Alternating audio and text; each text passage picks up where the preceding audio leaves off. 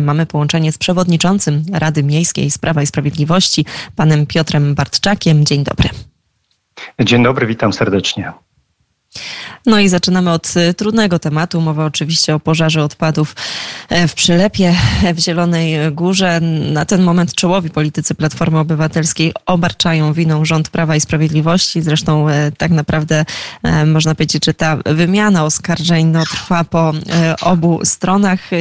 Jakie najważniejsze wydarzenia, fakty pojawiły się z perspektywy ostatnich 48 godzin? E, przede wszystkim e, ciągłość badań e, co do stanu powietrza oraz stanu gleby. I to jest, myślę, na ten moment najważniejsza rzecz, ponieważ e, oczywiście pierwsze informacje były nie do końca pełne, jasne, w sensie nikt nie wiedział, czy te spalone odpady, które trudno było określić te chemikalia, czy są rzeczywiście mocnym zagrożeniem dla zdrowia e, ludzkiego.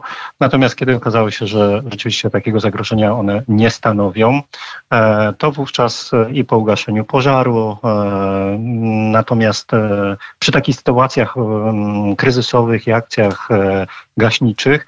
Bardzo często też jeszcze w dłuższym czasie jest monitorowany stan, tak jak wspomniałem, powietrza i wody, dlatego że przy gaszeniu pożaru oczywiście część wody idzie także w tak zwany grunt, więc trzeba badać te wody gruntowe, natomiast e, no powietrze musi też być badane. W związku z tym e, na bieżąco są, jest to monitorowane i informowani są także mieszkańcy o stanie tych badań. Na dzień dzisiejszy e, nie stanowią one zagrożenia, natomiast w poszczególnych rejonach e, szczególnie jeżeli chodzi o wody gruntowe, jest informacja, aby, mm, aby ewentualnie nie korzystać. Informacje otrzymują ci mieszkańcy, których terenów to dotyczy. Czyli można powiedzieć, że w, no, ta akcja jeszcze się nie zakończyła. Wiemy, że ta część, że część tej wody no, mogła i prawdopodobnie dostała się do, do y, gruntów i teraz po prostu cały czas te badania będą e, dalej przeprowadzane przez Sanepid. E, dokładnie tak. E, w związku z tym to jest na bieżąco monitorowane. E, I dzięki temu też mieszkańcy mają tą informację. Z kolei miasto, mm, zarówno miasto, jak i gminy tutaj ościenne, ponieważ to jest akurat dosyć na połączeniu miasta i gminy, Także z kolei od swoich samorządów otrzymują bezpośrednio te informacje, gdzie i w którym momencie ewentualnie może występować zagrożenie.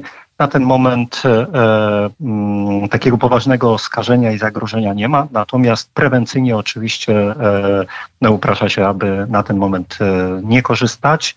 E, natomiast mieszkańcy są e, zabezpieczeni i na ten moment bezpieczni. Myślę, że to jest też bardzo istotna informacja.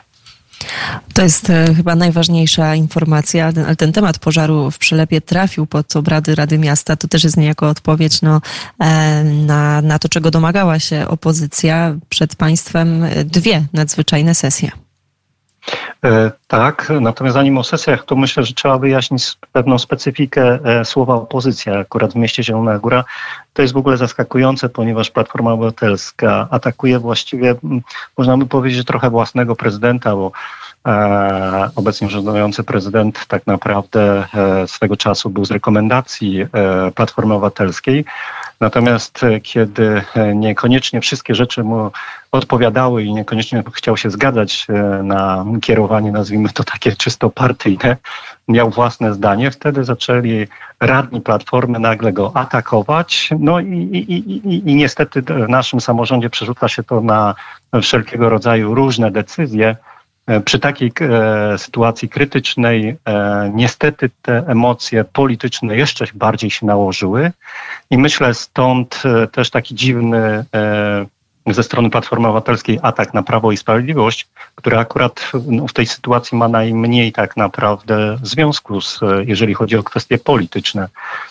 To przypomnijmy, Platforma Obywatelska ustanowiła takie przepisy, że w momencie, kiedy E, firma e, prowadziła składowanie, znikała, to problem przechodził na samorząd, a nie na, tej, na nie, ta odpowiedzialność nie pozostawała na tej firmie, tylko na samorządzie.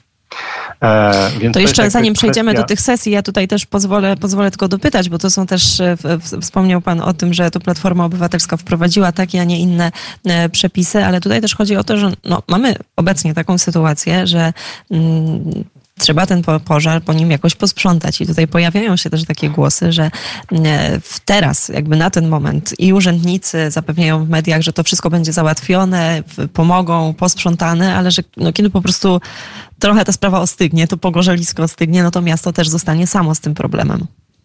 Niestety tak było też i dotychczas, ponieważ e, Platforma Obywatelska, która z kolei rządzi w Sejmiku Województwa Lubuskiego, e, niejednokrotnie e, nie, nie była zainteresowana rzeczywiście tymi tym składowiskiem tych odpadów. My jako Zielonogórzanie też wiedzieliśmy o tym, bo kilka razy już na ten temat były rozmowy. My jako radni też rozmawialiśmy nawet z Urzędem Marszałkowskim, właśnie zarządzanym przez Platformę Obywatelską, aby przeznaczyli środki i wsparli e, na rozwiązanie tego problemu, bo miasto Zielona Góra to jest bardzo potężna kwota, mocno obciążająca budżet. E, natomiast niestety e, Platforma Obywatelska nie była tym zainteresowana, żeby wesprzeć, żeby pomóc. Natomiast dzisiaj w momencie e, kryzysu, który mamy, próbuje atakować i też dalej nie widać zainteresowania wsparcia i pomocy. Ja dodam, że Wojewódzki Fundusz Ochrony Środowiska i Gospodarki Wodnej już w dniu wczorajszym podjął decyzję o dofinansowaniu między innymi wsparcia dla strażaków, którzy uczestniczyli w, w gaszeniu tego pożaru w tej całej akcji ratowniczej przeznaczyło łącznie milion złotych na wsparcie właśnie odbudowę tego stanu e, bojowego, czyli e, ewentualny zakup sprzętu, który został wtedy także i zużyty. Także tu szybka jest reakcja, e, natomiast no, ze strony z kolei Urzędu Marszałkowskiego nie widać nic poza atakowaniem samorządowców. I próba jeszcze przeciągnięcia na arenę, że tak powiem, Polski walki politycznej. I to jest najsmutniejsze, ponieważ całej tej sytuacji tak naprawdę potrzeba, potrzeba było, szczególnie na początku, spokoju i szybkich reakcji i działania. Niestety, I to działanie teraz też jest Mhm. Tak, tak. To, to jest tak, że teraz to działanie też jest bardzo potrzebne. Już można powiedzieć, że nie ma co płakać nad rozlanym mlekiem. Oczywiście winni będą i powinni zostać pociągnięci do odpowiedzialności, ale to faktycznie trochę stał się też przedmiot takiej debaty mocno politycznej i to, to możemy zaobserwować. Nie róbmy tego tutaj, może w tym programie. Skupmy się na tym, co mhm. dziś można zrobić. Rozumiem, że odpowiedzią na to no jest właśnie e, zwołanie tych dwóch nad, nadzwyczajnych sesji. Jaki jest porządek obrad? E, co chcielibyście Państwo osiągnąć? Tak jest, więc właśnie chcielibyśmy unikać tej takiej politycznej, natomiast niestety znowu wniosek e, e, ze strony e, części radnych, części radnych Platformy Obywatelskiej dotyczył zwołania sesji nadzwyczajnej, w której właściwie informacja mała być jedynie ze strony prezydenta i następnie debata między sobą radnych tak naprawdę. Mm, e, natomiast e, z kolei prezydent zaproponował, żeby to najpierw eksperci się wypowiedzieli i zawnioskował o e, też również sesję nadzwyczajną, w której przedstawią tą informację przedstawiciele Państwowej Straży Pożarnej, Sanepidu, przedstawiciele Wojewódzkiego Inspektoratu Ochrony Środowiska i innych instytucji, które zajmowały się właśnie także, czy też uczestniczyły w tej całej akcji ratowniczej.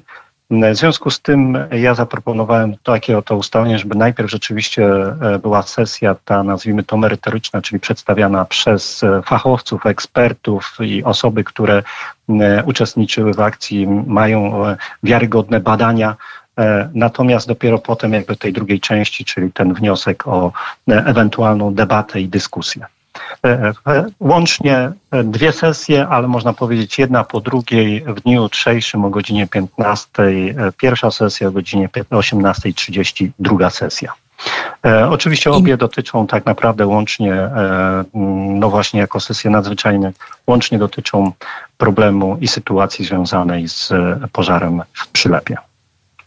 I my oczywiście będziemy na bieżąco też informować słuchaczy Radia Wnet o tym, jak ta sytuacja się rozwija. Ja tymczasem bardzo serdecznie dziękuję panu za komentarz. Przewodniczący Rady Miejskiej w Zielonej Górze, związany z Prawem i Sprawiedliwością, pan Piotr Bartczak był gościem Radia Wnet. Dziękuję za rozmowę. Dziękuję bardzo, życzę dobrego dnia.